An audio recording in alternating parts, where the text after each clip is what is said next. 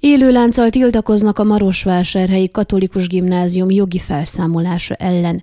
Mintegy 20 perces néma tiltakozást tartanak szerdán délelőtt 11 órától a második Rákóczi Ferenc Római Katolikus Teológiai Gimnázium diákjai és tanárai, jelentette be az iskola lelkésze Balla Imre.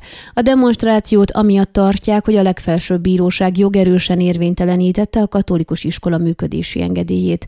A tiltakozók élőlánccal veszik körül az egyházi tulajdonban lévő épületcsoportot, azt a részét is, amely a román tannyelvű Unirea főgimnáziumnak ad otthont, éppen annak a középiskolának, amelynek tanári gárdája és szülői közössége felperesként követelte a katolikus iskola bezárását. A rövid tiltakozás imával kezdődik és felcsendül Reményik Sándor templom és iskola című verse. Az utóbbi napokban meglepődve figyeltük az iskolánk körüli csendet. Azt gondoljuk, hogy helye lenne a tiltakozásnak, így az a benyomásunk, hogy mindenki a helyzettel megalkudott, aludott, elfogadta és le is mondott róla. Nem tapasztalom a jogtalanság elleni kiállás erejét. Gondolom, hogy a háttérben azért mégiscsak dolgoznak az illetékesek, írt a közleményében a fiatal katolikus pap hozzátéve, hogy a szervezők nevében mellőznék a politikai beszédeket. Megkeresésünkre Balla kifejtette, a csend azt a benyomást kelti, mintha nem lenne teljes a kiállás az iskola mellett. Szerinte helyi szinten hangot kellene adni a nem tetszésnek.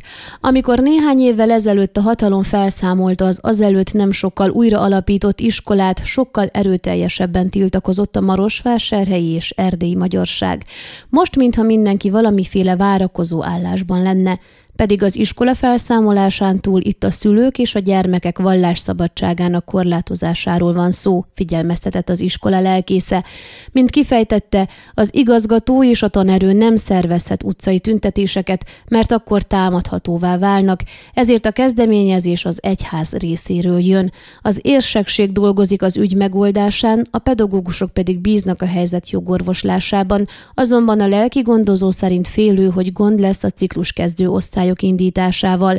Ha pedig nem indulhat előkészítő 5. és 9. osztály, csorbul a szerkezeti felépítés.